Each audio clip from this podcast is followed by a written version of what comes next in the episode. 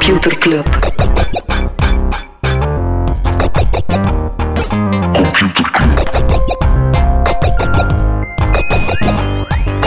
Computer Club. Hey Smolly, Hey Freddy, welkom, welkom terug. welkom. Welkom bij Computer Club, een wekelijkse podcast over technologie. Iedere aflevering selecteren Freddy en ik een eh, interessant artikel en presenteren een feitje. Ik stond mega heftig. Ik Waarom? had gezegd dat ik heftig Ja, ja. stond en ben uh, volledig tot rust gekomen door die Hey Smolly. Oei. Op een goede manier, Maar je moet de op een manier, op een goede manier, op een goede manier. Oké, Ehm, eh, waarom ben ik enthousiast? omdat we bijna aflevering 200 vieren. Ja, we naderen de 200ste aflevering en eh, we hebben ooit in een ver verleden, onze 50ste aflevering, dat was zo een beetje onze eerste verjaardag, Ja? een live episode gedaan. Met onder andere ook een talk van Dries de Poorter. Mhm. En, eh, allee, zonder dan de talk van Dries de Poorter, maar we gaan nog eens een verjaardagsfeestje doen. Yes. Epic. Onze 200ste episode gaan we live inblikken en eh, iedereen is welkom. We gaan die niet live inblikken. Allee, we gaan die inblik... we gaan die, jawel, live, we gaan hem live inblikken. En dan gaan we hem achteraf online zetten. Ja, oké. Maar ja, als je zo begint, is eigenlijk man. alles live ingeblikt, Freddy. Dat is waar, we zijn dit op dit moment live aan het inblikken. Het is waar. Ja. We gaan hem inblikken met publiek. Ja, We voilà. gaan misschien zelf eh, wat interactie en zo doen. Nu, niet bang zijn. Niet, dat, dat mag je niet afschrikken. Nee. Allee, niet u, hè, maar de mensen die komen. Want, Ja, ja. hè, Het is niet dat je plotseling in de ether gaat verschijnen of zo, maar we gaan daar iets cools mee doen. Eh, zijn, eh, wanneer gaat dat door, Smolly? 17 mei. Even met de timeline fucken, want officieel is de oh, 200ste aflevering De week erna. Ja, de dus we gaan hem een weekje ervoor Ja. opnemen. Dus ja, mensen moeten dan maar even meegaan in de feeststemming. Eh, dat gaat door op het kantoor van In The Pocket in Gent. Die ook sympathiek genoeg zijn om ons ja, te ontvangen en te voorzien van eten en drinken. Dus je kan daar gewoon naar je werk toekomen. En laat is je voederen en laven vanaf 6 uur. Oké. En dan de live episode, denk ik dat we er 7 uur 30 of zo gaan beginnen, zodat er zeker nog eh, tijd Tijd is om iets te eten, om een... eh, Eten ervoor, eten erna, drinken ervoor, drinken erna. Vrienden maken. Ook opnieuw, eh, als je vrienden hebt, pak ze mee. als je geen vrienden hebt, Als je ja, geen vrienden hebt ze wel of geen kennen. vrienden die computerclub kennen, pak ze gewoon mee. En Eh, vrienden die computerclub niet kennen. Nee, maar elke meetup zijn er ook zo mensen die Tuurlijk. alleen komen. En dat is tuurlijk. supercool. Die zijn dan binnen de kortste keren aan het geeken met de anderen. En misschien doen Nee, we ook nog terug... Freddy. een- Oké, nee. Alright. Oké. Freddy, waar gaan we het nieuw voor hebben deze week? Eh, Airbnb, die, eh, ja, die zijn eh, crazy on-brand. Waarom? Ah, interessante vraag. Nee, die, zijn, in het, die gaan full remote. Die gaan, allee, full remote, die hebben ja, de- toch wel goed knoop doorhakt. Dus die zeggen, ehm, vanaf nu mag iedereen voortdurend van thuis werken. Je mag zelf in het buitenland werken tot 90 dagen. Mhm. Ehm, en je krijgt ook een budget om in allerhande Airbnb's te gaan logeren, omdat ze wel merken dat daar meer en meer ook mensen dat doen. Zo een remote office een stukje gaan huren. Ehm, interessant ook is, eh, mensen moeten niet inleveren op loon. Dus als je weggaat uit de Bay Area, dan moet je niet inleveren, wat er bij heel veel bedrijven wel het Ja, ja. geval is. Eh, en eh, wel interessant is dat ze dan per kwartaal gaan ze dan offsites van een week doen om toch Ja, de, de culture en de big moments... eh, niet inleveren op loon. En als die persoon dan ooit vertrekt, gaat die opvolger van die persoon absoluut niet meer dat loon krijgen van die vorige. Zwat. Dat vermoed ik wel, maar het is toch alles is wel een Ja, het is signaal. een dat je, gest, ja, Google die gaat dan weer een groot HQ bouwen in India.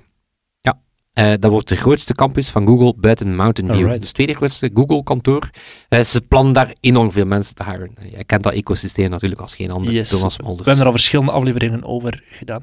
Iets anders. Warren Buffett heeft extra aandelen van Activision Blizzard gekocht, bezit nu 9,5%. En hij doet dat omdat hij weet dat Microsoft dat binnen een paar maanden volledig zal inlijven aan een koers die hoger is dan dat de koers momenteel staat van Activision Blizzard. Aha, ik zag dat Activision Blizzard, die hebben groen licht gegeven aan Microsoft of zo. Dus de, intern zijn ze het er ook over eens dat ze het gaan doen. Eh, nu is de vraag of dat ze de toestemming gaan krijgen Ja. om het te mogen doen. Ik vermoed het wel. Het zal moeilijk zijn om aan te tonen dat Google, eh, dat eh, Microsoft een monopolie heeft binnen gaming. Het orakel van Oklahoma denkt er al sinds Wie is het positief orakel van eh, Oklahoma? Warren Buffett. Ah ja, oké. ja, dat is wel, eh, die gast is wel slim. Ehm, ik ga eh, het brugje maken en ik ga, jaar. ik ga daar de, de regulation ehm, jingle Mhm. ehm, niet voor nodig hebben, omdat ik het gewoon vanuit de, de conversational segue ga doen. De Europese Unie, of de Europese Commissie, die zegt dan weer dat Apple zijn mix- Mhm. machtspositie wel misbruikt door NFC enkel voor te behouden voor Apple Pay. Eh, dat is effectief mottig. Hè. Bijvoorbeeld als wij de Payconic Bankcontact app bouwen, dan kunnen wij daar geen NFC-payments mee doen, Mhm. want dat kan enkel Apple Pay. Ehm, de boete, want moesten ze toch eh, het, het blijven gesloten houden, dan wordt dat een boete van 30% van de omzet van Apple Pay, weliswaar. Ja, oké. Nu, Wat dan altijd veel geld is. eh, wat ik wel benieuwd naar ben, is dat, zou dat het aantal transactievolume zijn of de marges die Apple daarop pakt. Want op de marges zie ik Apple echt wel nog gewoon zeggen, ja, pak maar 30% van die marges op die paymentvolume en het blijft van ons. Eh, wel interessant is dat ze eh, binnenkort ga je geld kunnen ontvangen via NFC, via je iPhone of je iPad. Eh, denk dan aan iPads op een, eh, ehm, aan de kassa bijvoorbeeld. Eh, Mhm. Dat ga je kunnen doen zonder extra hardware. En dat stellen ze wel al meteen open, Voor onder andere voor Stripe. Alright. Dus daar zijn ze het een beetje voor, maar dus ook op, op vlak van ja, betalen met je iPhone, zegt Europa terecht, want if- Mhm. als er ooit een voorbeeld was van Ja, douchegedrag van Apple. Eh, en Google die zijn dan weer boos op Europa. Ik denk dat iedereen, al, eh, alle grote techbedrijven, wel wat boos zijn op Europa. Eh, die hebben ook een boete gekregen van anderhalf miljard. En ze noemen dat crimineel. Dus het is wel duidelijk dat zelfs ze... Google dat zegt. Ja. Even om in de sfeer te blijven van digitaal geld. Fishers, die hebben vorig jaar voor 25 miljoen geld kunnen ontfutselen in België. Dat zegt Fable Finance Centrum voor Cybersecurity. Maar dat is een kwart minder dan eh, de 34 miljoen in 2020. Dus de Fishers hadden er geen goed jaar op zitten. Ja. Ja, Magere vangst. maar- Nog altijd geen kleine vangst. eh. Alright. Heb jij nog Ah. dingen waar we het niet over gaan hebben? Eh, ja, ik, ik zat nog even, ik, ik zat nog even op dat, op dat eh, wetgevend spoor. Die dat mij wel, wel boos maakt hoor. Ehm, in België is er toch, wat heeft België toch tegen privacy?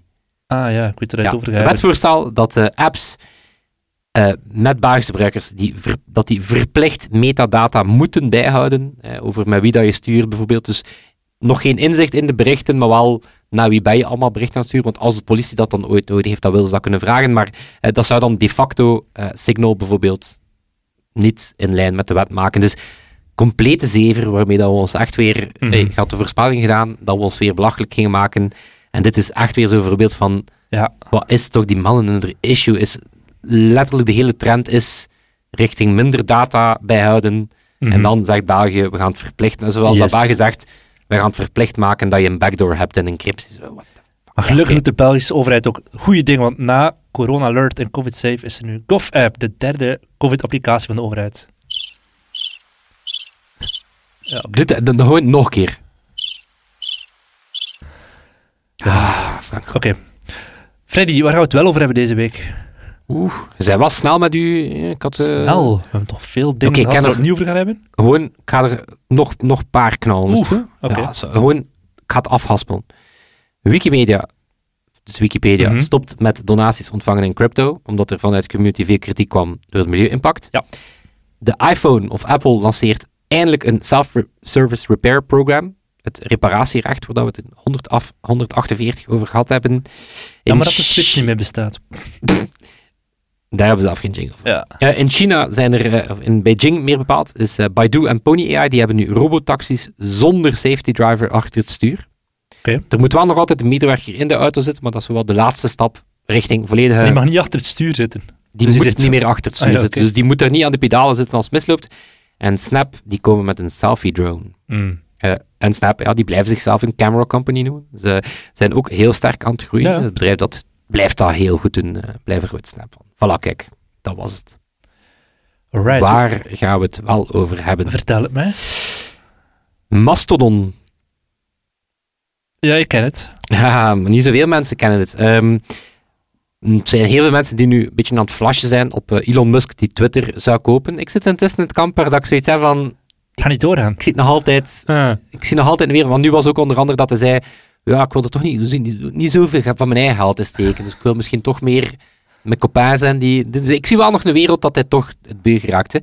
Ehm, maar dus veel mensen, ja nee, ja, Twitter is- ben ik wel, eh, vertrouw ik dat wel, enzovoort. En dan vluchten ze naar ja, Mastodon, wat dan een soort, ja, Twitter-alternatief moet zijn. Ehm, maar sterker nog, het is niet zozeer een Twitter-alternatief. Ehm, het is in feite dat decentrale model waarover dat we soms spreken. Ehm, ja, dat is het. Mhm. Dus oké, wat is Mastodon? Wat hoe is het ontstaan? En eh, eh, wat zijn zo van die ja, goede momenten voor Mastodon? Want ze, hebben, ze moeten het vooral hebben, want eh, het, is, het is een vrij bescheiden... Ik zal misschien met die deur in huis vallen. Ze hebben maar 360.000 maandelijks actieve gebruikers. Mhm. Ze hebben maar kleine 5 miljoen users. Kunnen we dat in schaal zetten tegenover een Twitter? nergens. Ja. En Twitter staat al nergens. Twitter, Twitter is, wordt al klein bevonden met 200.000, 200 miljoen maandelijks Mhm. actieve gebruikers. Dus Mastodon moet je wel echt weten. Het is, het is wel echt eh, klein. Maar ze hebben het wel heel sterk van dit soort eh, momenten om wat instroom te hebben. Ehm, en het is wel interessant, want het is in feite, zoals ik zei, het is, het is een decentraal alternatief voor Twitter. Dus ehm, heel belangrijk. En het is even zo, je moet er even in mee zijn. Dus het is een, het is een open source ehm, pakket. Het lijkt echt op Twitter. Het, het is alle features dat je van Twitter, replies, ads, eh, threads, allee, dus het is, het is eh, hashtags, het is, het is in feite een Twitter-clone. Ehm, het is ook wat Truth Social, eh, het platform van Donald Trump trouwens, gebruikt als, als engine. Het is een open source pakket. Ehm, maar wat is het verschil? Is dat het, ehm, het is niet zozeer één website, maar het is eigenlijk een verzameling aan instances, wat ze dan de Fediverse noemen. Eh, wat kort is voor Federated, wat, wat eigenlijk betekent ja, een Hele hele Freddyverse, zoals de. Freddyverse. Ik, het is daar dat ik op aan het hopen ben. Ehm, en hoe werkt dat dan? Is je kan, en dat is even de, dus de switch dat je, dat je moet in mee zijn, is je kunt berichten delen en zien van het hele netwerk, dus van al die instances samen, maar de instance dat jij kiest, zeg maar de server dat jij kiest, ja, die kan daarbovenop nog extra regels of guidelines bepalen. Mhm. Ehm, bijvoorbeeld, en dat is de, de meest voor de hand liggende, eh, een heel populair is bijvoorbeeld Koyu Space, en dat is een nice community for chill people. Dus die gaan extra hard letten op toxiciteit. Eh, iemand die in een artikel, ik zal delen in de show notes eh, of in de nieuwsbrief, die Friendcamp, die zegt, kijk, we hebben 50 vrienden, die, eh, we zitten ongeveer op dezelfde pagina, maar soms ook onnozel. Je hebt bijvoorbeeld een hele instance waar dat de letter E niet mag gebruikt worden. Dus die, die, die bannen, die bannen boek dan van- alle content die Ah, een letter E heeft. Dus de Fransman die een heel boek heeft geschreven zonder letter E. Ongetwijfeld. Eh, of bijvoorbeeld Dolphin Town. En Eh, wat, wat is daar de... Dat iedereen doet of het een dolfijn is? En welke letter gebruiken ze dus enkel? Eh, eh, eh, eh, Wel de E. Enkel de E. Enkel E. Voilà. Ja. Ehm, dus daar komt het in feite op neer, is dat elke instance, die, kan, die hebben een eigen huisreglement. Die, die kunnen zeggen, kijk, dit, dit is wat we wel en niet eh Beetje doorgaan. subreddits. subreddits. Ehm, maar die kunnen ook bijvoorbeeld dingen van een bepaalde instance gewoon bannen. Hè, bijvoorbeeld, ehm, na enkele jaren was er wel een instroom aan zowat alt-right types. Ehm, in dat geval was de eh, Never Waste a Good Crisis, tussen aanhalingstekens, was de shutdown van Gap, hè, was zo dat mhm. alt-right eh, netwerk was, die dan plotseling van AWS en Apple Ja. uit de App Store vlogen. Ehm, want ja, Mastodon was in feite begonnen als een soort eh, Twitter, maar dan zonder nazi's, was een beetje de, de, het credo. Oké, toch wel nazi's. Dus dan hebben we er een hele hoop instances gezegd, ja, die content van die instance, die, die verschijnt niet in de feed die wij van jou cureren, maar die werden niet gedeplatformed, want het is decentraal. Je kan niet, je kan hoogstens zeggen, kijk, wij beslissen gewoon dat die bagger bij ons niet, niet getoond wordt. Kan je op verschillende instances tegelijk geabonneerd zijn of lid Je, zijn? kan je, je, je, je, wat je meeneemt zijn de mensen die jou volgen en die jij volgt. Maar Mhm. bij mij weten kan je wel maar één server kiezen die je dan, eh, waarop dat je dan Dus subscribe. niet zoals op Reddit, even snel flipt van het een naar het ander. en Nee, maar je neemt, wel je, neemt wel je... Dus dat is een beetje de, de, de, de switch dat ik ook in mijn hoofd moest maken, want het zijn geen aparte sociale netwerken, want dan, ja, dan, dan zou je voor over de kat zijn als je dan een groepje van 50 bent. Allee, Mhm. dat bestaat, maar dan, dan ben je meer in een Discord aan, het- aan het onderhouden of zo. Ehm, maar ja, en dus de journey begint ook effectief met zo, ja, je kiest een server. Eh, en daar is het interessante dat Mastodon boeit wel op hun website enkel, ze zeggen wel van, we only list servers committed to active moderation against racism, sexism en transphobia. Dus daar zeggen ze wel van, kijk, Er is een ondergrens. ja, of wij gaan, je kunt die software gebruiken en je kunt de server runnen, maar wij gaan hem niet adverteren. Dus dat is wel een keuze die ze maken. En ehm, ja, verder hebben ze ook wat feedback loops. Je kunt natuurlijk ja, dingen reporten, muten, blokken. Maar opnieuw, dat voedt ergens gewoon je eigen huisreglement. Mhm. Dat, dat, dat betekent niet dat die mensen dan ook de facto van alle mastodons vliegen. Dat zegt gewoon aan jou, eh, moderators, van oké, hier hou ik zelf niet zo Ja. van. En die kunnen dan in principe zeggen van, ah, dat valt mij nu wel op dat er veel mensen zijn die die persoon... Mhm. En dus stel dat wij een instance hebben en ehm, iemand zegt iets positiefs over Frank Robben. Ja, En dat wordt Frank dan- zelf gewoon, hè, masker Of- eraf, Scooby-Doo gewijs. Oh, het is Frank zelf. Ja, voilà. Dat kunnen wij, zouden zeggen zonder Frank of enkel, enkel Frank of enkel lovende dingen over Frank. Ja. Zou kunnen, hè? Zou kunnen. Moest ik meer energie hebben of zo, ik zou het, ik zou het nog doen. Puur voor de sport. Ehm, voilà, Mastodon, dus het is, het is, het is wel interessant, En omdat het is in Zit principe er een een beetje... businessmodel achter? Eh, nee, het is open source. Het is eh, gemaakt door een student in eh, 2016, eh, Eugene Roschko, een Duitser. ehm, volledig betaald door ja, Patreon en andere, en andere ja, sympathie, eh, uit sympathie. Ehm, die was enerzijds gefrustreerd door ja, toch, toch zo het idee dat er meer centrale regels gingen komen. Dus wel Mhm. ergens zo'n anarcho-kantje of een libertair kantje. Maar vooral ook zo het risico dat een dienst ermee stopt. Hè, bijvoorbeeld MySpace of Friendfeed. Ja, als die stoppen, Mhm. dan ben je het kwijt. In dit geval, ja, de community eh, draait Onderhoud het, onderuit het. Ehm, maar wow, het, is dus, het is dus heel bescheiden. En sinds het Twitter-nieuws hebben ze een enorme piek hey, of, of, of instroom, maar dat gaat dan over 28 tot 50.000 nieuwe gebruikers. Veel mensen die waarschijnlijk ooit eens een account gemaakt hebben, die dan denken, ah ja, juist, ik was daar ooit fan van. Ehm, Het grote probleem vind ik bij Mastodon is dat dat gewoon technisch totaal niet de capaciteit aan kan dan een Twitter aan kan. Dat ligt plat om de zoveel tijd. Zeker op zo van die piekmomenten, als toen dat, dat Twitter-nieuws er kwam, lag het plat. Voilà. En ja, vol, ze, hebben, ze hebben opnieuw, ze moeten het vooral van die pieken hebben. Ehm was zij zo andere. Eh, toen dan Donald Trump president werd, ehm, toen dat probleem met spambots en trolls nog groter was. Hmm. Eh, de Gap-ban in 2019, toen dat Tumblr zei, we gaan geen eh, sensitive content meer toelaten, of de hele delete Facebook beweging. Dus ja, ze moeten het wel van dat soort golven hebben. Ehm, maar bon, knap, knappe Ik visie. ken niemand wel die het echt actief gebruikt. Ik weet dat zo Jeroen Baert, denk via een GitHub-scriptje, automatisch zijn tweets ook doorplaatsen op Mastodon. Ik heb een account, ik heb er meerdere denk ik, want ik wilde ook inderdaad nog een keer inloggen daar met dat Twitter-nieuws en blijkbaar bestond mijn account niet meer. Dus ik had er ooit, maar Voilà, dus het is zo meer uit curiositeit, maar dat toont toch ook wel ja, hoe moeilijk dat is om een, om een netwerkeffect in te Mhm. creëren eh, en iets anders. Maar het is wel interessant, want, want ja, dus eigenlijk de facto is het wel dat model van, van verschillende algoritmes die, die dan ja, wat dat extra Thompson aanbevolen ook voor voilà, die, die, of project Blue Sky van Twitter, die, Ja. die dan zegt, ja, eigenlijk bouw je bovenop die stroom, die firehose aan berichten, kan je Mhm. eigenlijk eh, filteren. zelf riviertjes gaan, eh, gaan maken. Yes. Ik heb een eh, beetje kennis. Ik, eh, ik was er, ik, gratis. was er, ja, ik, weet niet, ik voelde dat. Ik En even in die, in die instance waar ze kennis delen. Computerklas. Yes, Fred, ik wil jou terug meenemen naar 6 mei 2010. Toen dat de Dow Jones, de Dow Jones, De zoals, dat- Dow Jones. zoals Jan Beekhuis zou zeggen, op een paar minuten tijd met 10% crashte. 1 triljoen, trillion, trillion, 1, ja, ik weet niet wat het Nederlands woord is, biljoen, Biljoen. biljoen dollar ging weg en is meteen terug opgedoken. Dus echt gewoon... Nou, Flash crash. En flash crash, inderdaad. Dat was een concept dat deze week ook weer in het nieuws kwam, omdat er een of andere zot van Citigroup eh, een fout had gemaakt, waardoor dat er een paar, twee dagen geleden of zo een flash crash was op alle Europese beurzen. Weet je eh, wat hij mij ook had kunnen meenemen, Smolly? Nee? Naar onze eerste episode. Onze tweede episode. Ja, eh pilootaflevering denk ik zelfs. Pilootaflevering. Ik ga het, eh, ik ga het opzoeken voor jou, Smolly. Ja, met Vertel de- vooral verder. De, de, de toren, de mast die eh, zo dicht mogelijk moest staan. Ja, en wel dus de, de flash crash. Er was er trouwens ook een andere deze week, omdat er nieuws was opgedoken over een zekere Ma, die was opgepakt in China. En mensen dachten, ah, dat is Jack Ma van Alibaba. Waardoor er ook weer algoritmes, de belletjes gingen af 26 miljard plotseling verdwenen. gedaald, omdat er een ma aangeklaagd werd. Ja. Eh. Zal helemaal flodder. Ehm, maar dus, ja, en 6 Hey, mei 2010, beter een ma dan... dan uw ma. Oh my god. Het- Frederik, alsjeblieft. Aan alle, aan alle mensen. Ja. Aan alle mensen, het is zondagmoederdag. Oké. En alle mensen Die in en Antwerpen die, wonen. die in Antwerpen wonen, dat is niet waar. Nee.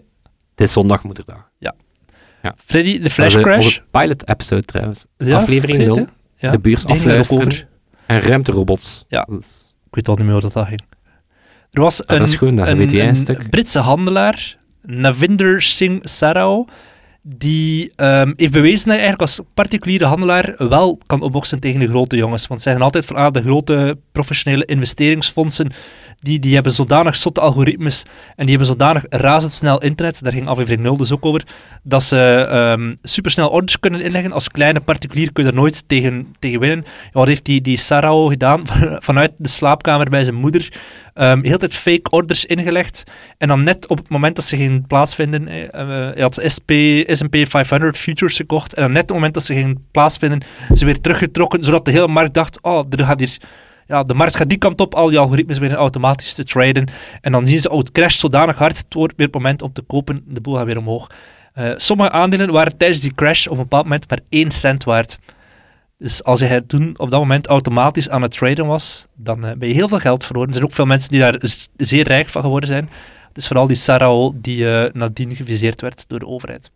Er zijn heel veel toffe boeken over verschenen. Michael Lewis van Moneyball heeft ook een boek geschreven. Dat heet Flashboys. Dat gaat niet specifiek over deze Flashboys. Flashboys, zalig hè. En uh, ja, dat gaat dus over die flitshandel, zoals dat heet. Flitshandel vind ik misschien nog interessanter dan flash, uh, flash trade. Flash trade. Flash trade. Ik heb een beursstrategie die nog niet zo goed werkt. Kijk, um, dus ik koop, ik koop dan een aandeel dat ik zelf denk, nice. En dan ga ik eigenlijk gewoon op een, uh, zo op, op een doos gaan staan voor de beurs. En ik, ja, ik promoot die. Oké. Okay. in de hoop dat het aandeel stijgt, maar het voorlopig niet. Ja, ik bel elke dag naar Mark Koek en ik vraag, Mark, wat ga je wat vandaag kopen? Wat en dan doe ik dat ook. Wat doen we nu? Dat werkt zeer goed. Freddy, ik heb uh, iets anders gelezen wat je ook zou kunnen kopen. Ik weet nog niet ik of je de podcast goed aan het vastpakken bent. Het is goed, het is goed want ik, ik voelde dat ik terug heftig sta. Ja, wel, moet je inhouden. terug, uh, Charles Smolly mij hier uh, op de rails houdt. Oh my god. Freddy Train. Iets wat ik niet ga kopen en wat hij misschien best ook niet koopt. NFT's in de muziekwereld. Ik heb me er even in verdiept. NFT's in de muziekwereld en wat dat daar de toekomst zou kunnen zijn. Er zijn sowieso veel muzikanten bezig met NFT's. Grimes die had een collectie van uh, 10 digitale kunstwerken. Sommige had ze ook muziek voor gemaakt. Ze heeft er 5,8 miljoen mee verdiend op 20 minuten tijd. Steve Aoki had ook NFT's dat hij verkocht. En dat, dan, ja, dat zijn vaak visuele NFT's. Hè, waar hij 4 miljoen mee verdiend heeft en M&M 1,8 miljoen met NFT's. En dan, deze waren allemaal ja, puur visueel, zoals de NFT's zoals dat we ze kennen van in de media, zo kunstwerken. Een API. Een API. Een ja. pussy. dat soort dingen. Maar is dus ook, wordt al nagedacht over wat als je een muzieknummer als NFT zou kunnen verkopen. Er zijn een aantal opties dat ik zo bekeken heb en die al hebben plaatsgevonden. Het eerste, het meest logisch, is eigenlijk een, een limited edition nummer dat je verkoopt. Er is een artiest, Tree Law, dus 3-L-A-U, die heeft een album verkocht zo, voor 11 miljoen dollar. En um, sommige, als je dan van de YouTubers bekijkt, die zo vol lof zijn over dat businessmodel van NFT's als muziek, dat je muzieknummers als NFT's kan verkopen, dan denk je, oké, we zijn terug in de jaren 2000, het iTunes-model is terug. En uh, niemand kent het concept streaming nog. Je, zou kunnen, je, je kan zo gezegd dan Ik aan duizend mensen... Dat is gewoon DRM, Digital Right Management, ja, ja. Dat dan terug zou keren. Wat voor een heel goede reden verdwenen is. Ja, maar het is echt gewoon waanzin. Dat je denkt van, ah wauw, je kan dan als artiest rechtstreeks een nummer verkopen aan een, aan een luisteraar, eh, de middleman eruit halen. Zwat, ik weet niet of hij dat dan... Want dan zou die persoon dat nummer op zich ook weer kunnen doorverkopen. Stel je voor, ik koop een muzieknummer, ik luister dat vijf keer en denk, ah, ik wil dit nummer nu nooit meer horen, ik ga het nu doorverkopen aan iemand anders. Zeer rare use case, maar dat werkt dus voor sommige mensen. Dat trouwens, de, het was niet NFT, hm. maar had ooit... Dus het blijft een, blijft een zalig kunstwerk. De Wu-Tang Clan met een album. album. Ja. ja. Dus die hebben gedaan pre-NFT-tijden. Gewoon een album gemaakt. En dan gaan ze Iemand kon het beluisteren. Kun het gewoon kopen. En een fysiek album, ja. Kun zij de eigenaar daarvan. Dan zijn hij de enige persoon die dit album... Uh... Hij kan zeggen, ik luister er vijf keer naar en ik verniet het dan. En ik wil, dat ik krachtigste vind, is er niet naar luisteren. Ja. En dan, als een boom valt in een bos. Als de Wu-Tang Clan een album maakt en niemand beluistert. Wu-Tangen ze dan wel. Oh my god. Zij is nog wel een clan. Smolly, pak de podcast ah, wel, vast. Het gaat over clans. Oké, wat als je ook kan doen, is een community uitbouwen, een clan uitbouwen. Er hoort bijvoorbeeld te zeggen, iedereen die een NFT heeft, die mag naar exclusieve optredens. Kings of Leon heeft dat gedaan. Die hebben uh, een exclusief album van een uh, exclusieve versie van een album verkocht als NFT. En als je dat had, dan kreeg je ook uniek digital artwork, maar ook lifetime concert passes. En er zijn verschillende bands die dat al gedaan hebben. Disclosure heeft dat voor het ook gedaan. lifetime tickets voor mensen die hun NFT kochten. Wat dat dan echt voor de super, super, super fans is die duizenden dollars neerleggen. Om dan bijvoorbeeld andere mensen te zeggen: ah, kan gaan eten met je favoriete artiest als je die NFT hebt, whatever. Dat soort dingen. Community uitbouwen, daar geloof ik nog een beetje in. Dat is zo dat principe van de Board Ape Yacht Club is wel. Als, je er, als je een aap hebt, dan ben je lid van die community of mensen zoals uh, Verité of Whitney Houston, die ofwel master recordings verkopen, of een, uh, onuitgebrachte demo's. Beetje zoals dat van de Wu-Tang Clan, van ik heb één album dat één persoon kan hebben. Whitney Houston heeft een onuitgebrachte demo voor 1 miljoen verkocht als NFT. Dat is dan echt gewoon, denk ik dan nu, heel veel artiesten... Whitney Houston? Wat? Ja, over uh, familie, whatever. Tenzij dat ze nog leeft en samen met Tupac. muziek blijft maken. muziek maken in de- In een sweatshop. Stel je voor dat Tupac nog leeft. Dan, voilà. eh, Mega zou zijn en dan zo... Hij maakt NFT's. Oh nee. Zo, do LimeWire komt terug. do it, Yay, Tupac. als NFT. Nee. Crazy Frog komt terug als NFT. Nee. Maar dus ik Ehm, heb het gevoel dat heel veel artiesten nu een schuiven open doen en zien welke rommel ligt hier nog aan een demo. Ik ga die als NFT verkopen. Dat gebeurt dus ook. Wat ik wel eigenlijk het meest interessante Maar in dat vind... geval is die NFT gewoon om zowel die te vermijden dat gewoon Ja, dat het echt gewoon een nummer wordt. Maar breed kan gedeeld worden, dat je Ja. eigenlijk een beetje... een- Hij zijn er niet echt trots op, maar hij wil er wel op cashen. Oké. Wat ik het meest interessante use case tot nu toe heb gezien, is dat je als fan of als luisteraar zou kunnen meedelen in de winst. Dus ik dat je- zeggen, dat zou interessant zijn, dat, dat je is dus effectief een use case die begint te eh. komen. Hè. OneOff is een platform van Quincy Jones. Er is een ander platform dat heet Opulus. Waar dat dus het, de theorie is er al, de, de praktijk nog niet echt. Maar je koopt dus, stel ik zeg, die nieuwe van Stromae. Ik ben hier een, een blogger. En ik heb, of niet Stromae, Stromae is al te groot, maar een klein Stromae. bandje. Stromae? Is dat? Ja. Hij zegt Stromae, ik zeg Stromae? Het, maar hij zegt soms andere dingen. zoals legit. Ja, Legit. legit. Oké, maar stel dat je zegt, ik heb hier een bandje van mij om de hoek en dat ik het gevoel, die gaan echt heel groot worden. Ik ga nu al een nummer kopen en ja, mee gaan delen in de winst en dan gaan we later kunnen kopen. Wat ga je nu doen? Zeg ik het woord dat ik hier net getypt heb? Daar in de adresbalk. Purpose. Purpose. Purpose. Vanaf nu, Daar als zijn hier een Engels, Thomas. Ik ken hem, ik ken hem. Ik ken Vanaf- al zijn quirks. vanaf nu, als ik een Engelstalig woord hoor, ga uitspreken, ga ik echt gewoon zo met Jan Beekhuis stemmen. Enk- Enkel Jan Beekhuis. Dow Jones, Quincy Jones en Upplus. Die, eh, ja, Only go full Beekhuis. Zou Jan Beekhuis luisteren naar deze podcast? Ik weet niet. ik weet het niet. Zou wel interessant zijn, moest dit kenbaar maken. Oké. Cool. Computer Club. Dus de... Wat? Ah ja, oké, ja. Dat, moet dat moet gebeuren. Dat moet gebeuren. Als Ja. iemand luistert dat Jan Beekhuis kent, ah, please. Computer Club. Of uh, Sociale Capabele Michiel. Dat had ik al een keer nagedaan, een andere keer. Dus gezegd, hé, een klein bandje van bij ons om de hoek. Ik koop dat nummer. En dat is super handig ook voor die artiesten. Dat is meteen ook een PR-boost. Want je weet, iedereen die die NFT heeft, gaat er echt zijn best aan doen om dat nummer zoveel mogelijk te verspreiden. En dat mensen dan gaan streamen op Spotify. Dus daar zit volgens mij wel nog iets in. Ja, het Dat is enige... zo'n enige use case dat ik denk, oké, dat is digital right management. Je wordt een stuk aandeelhouder van een nummer in plaats van van een, van een bedrijf, van een nummer. Kan.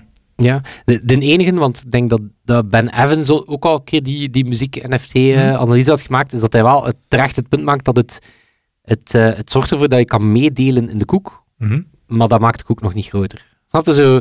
Ja. Dat gaat nog altijd niet oplossen dat je, dat je de, de groepen, dat je dan zo wat mee bootstrapt, dat je dan mee fundt eigenlijk, Mhm. als het ware. Ja, als er... Ja, dat boeit niet als jij een mini-presentje krijgt. Maar als- kan dat nummer ooit verkopen, hè? Stel dat hij zegt van, eh, Freddy heeft hier een muzieknummertje gemaakt, of Sebastiaan. Hij zegt, Amatorski bijvoorbeeld. Amatorski is nog super klein. Ik zeg, ik ga hier gewoon voor 50 dollar een stuk NFT kopen van dat nummer. En ik weet, dat ga je later ooit gebruikt worden in reclamecommercials, et cetera. En ik verkoop dat dan door. Ja, dan kun je wel zwaar, eh, het zwaar cashen als dat eenmaal een hit is. Dat kan. Ehm, en dan een, een tweede use case, dat een beetje relevant is, bands creëren die nog niet bestaan. Wat dat Universal Music heeft gedaan met de Board Ape Yacht Club. Die hebben Kingship opgericht. Dat is een band die bestaat officieel niet. Dat zijn die characters, van, dat zijn die apen die zogezegd samen een band vormen en die dan muziek maken. En dan ook weer een heel verhaal met royalties en zo. Dan denk je, oh man, zo bizar. Maar in de tijd, 20 jaar geleden, had je Gorilla's. Vandaar ook apen. Gorilla's zit er ook dichtbij. Maar dat was ook gewoon een virtuele band. Oké, het was al één bekend persoon die erachter zat, maar zelfs als dat niet een bekend persoon was geweest, was het concept op zich, en die hadden een virtuele wereld waar ze rondleefden, et cetera. Het, dat het vind ik had dus iets. opnieuw aan die apen wel interessant, is dat je wel de IP krijgt. Dat Ja. je, dus dat je, die, je krijgt wel de creative license om er iets mee te doen. Ja. Dat is tenminste al iets extra. Ja. Ja, cool, Snoop. Dogg, die heeft het eh rap-label Dead Raw Records gekocht, dat zijn carrière in de tijd gelanceerd heeft. En dat gaat een eh, NFT-platenmaatschappij worden. Dus hij zal ook artiesten helpen. Eh, Snoop Dogg zit al heel lang in de NFT en de, de crypto-wereld, maar hij heeft zich ook weer ges- gestort op NFT in de muziekwereld.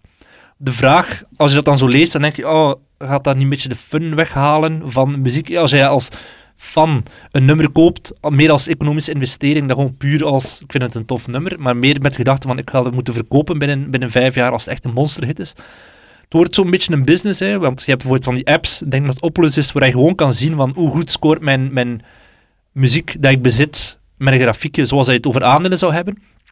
Anderzijds is dat gewoon een verhaal dat nu toe achter de schermen gebeurt, bij platenlabels, digital rights uh, organisaties, en dat we nu gewoon zelf als luisteraar ook deel van kunnen uitmaken.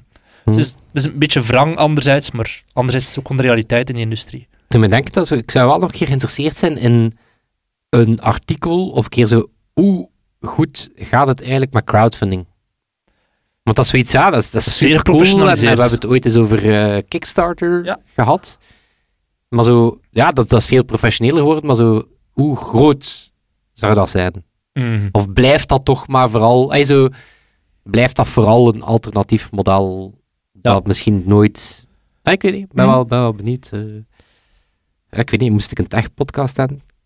Zou er iets over kunnen doen? Er iets kunnen doen. Zou er iets over kunnen doen. Een evergreen om een keer mee te pakken als er geen nieuws is. Als Elon Musk een keer beslist om een week niets te doen of zo. Weet u dat mijn evergreens zijn?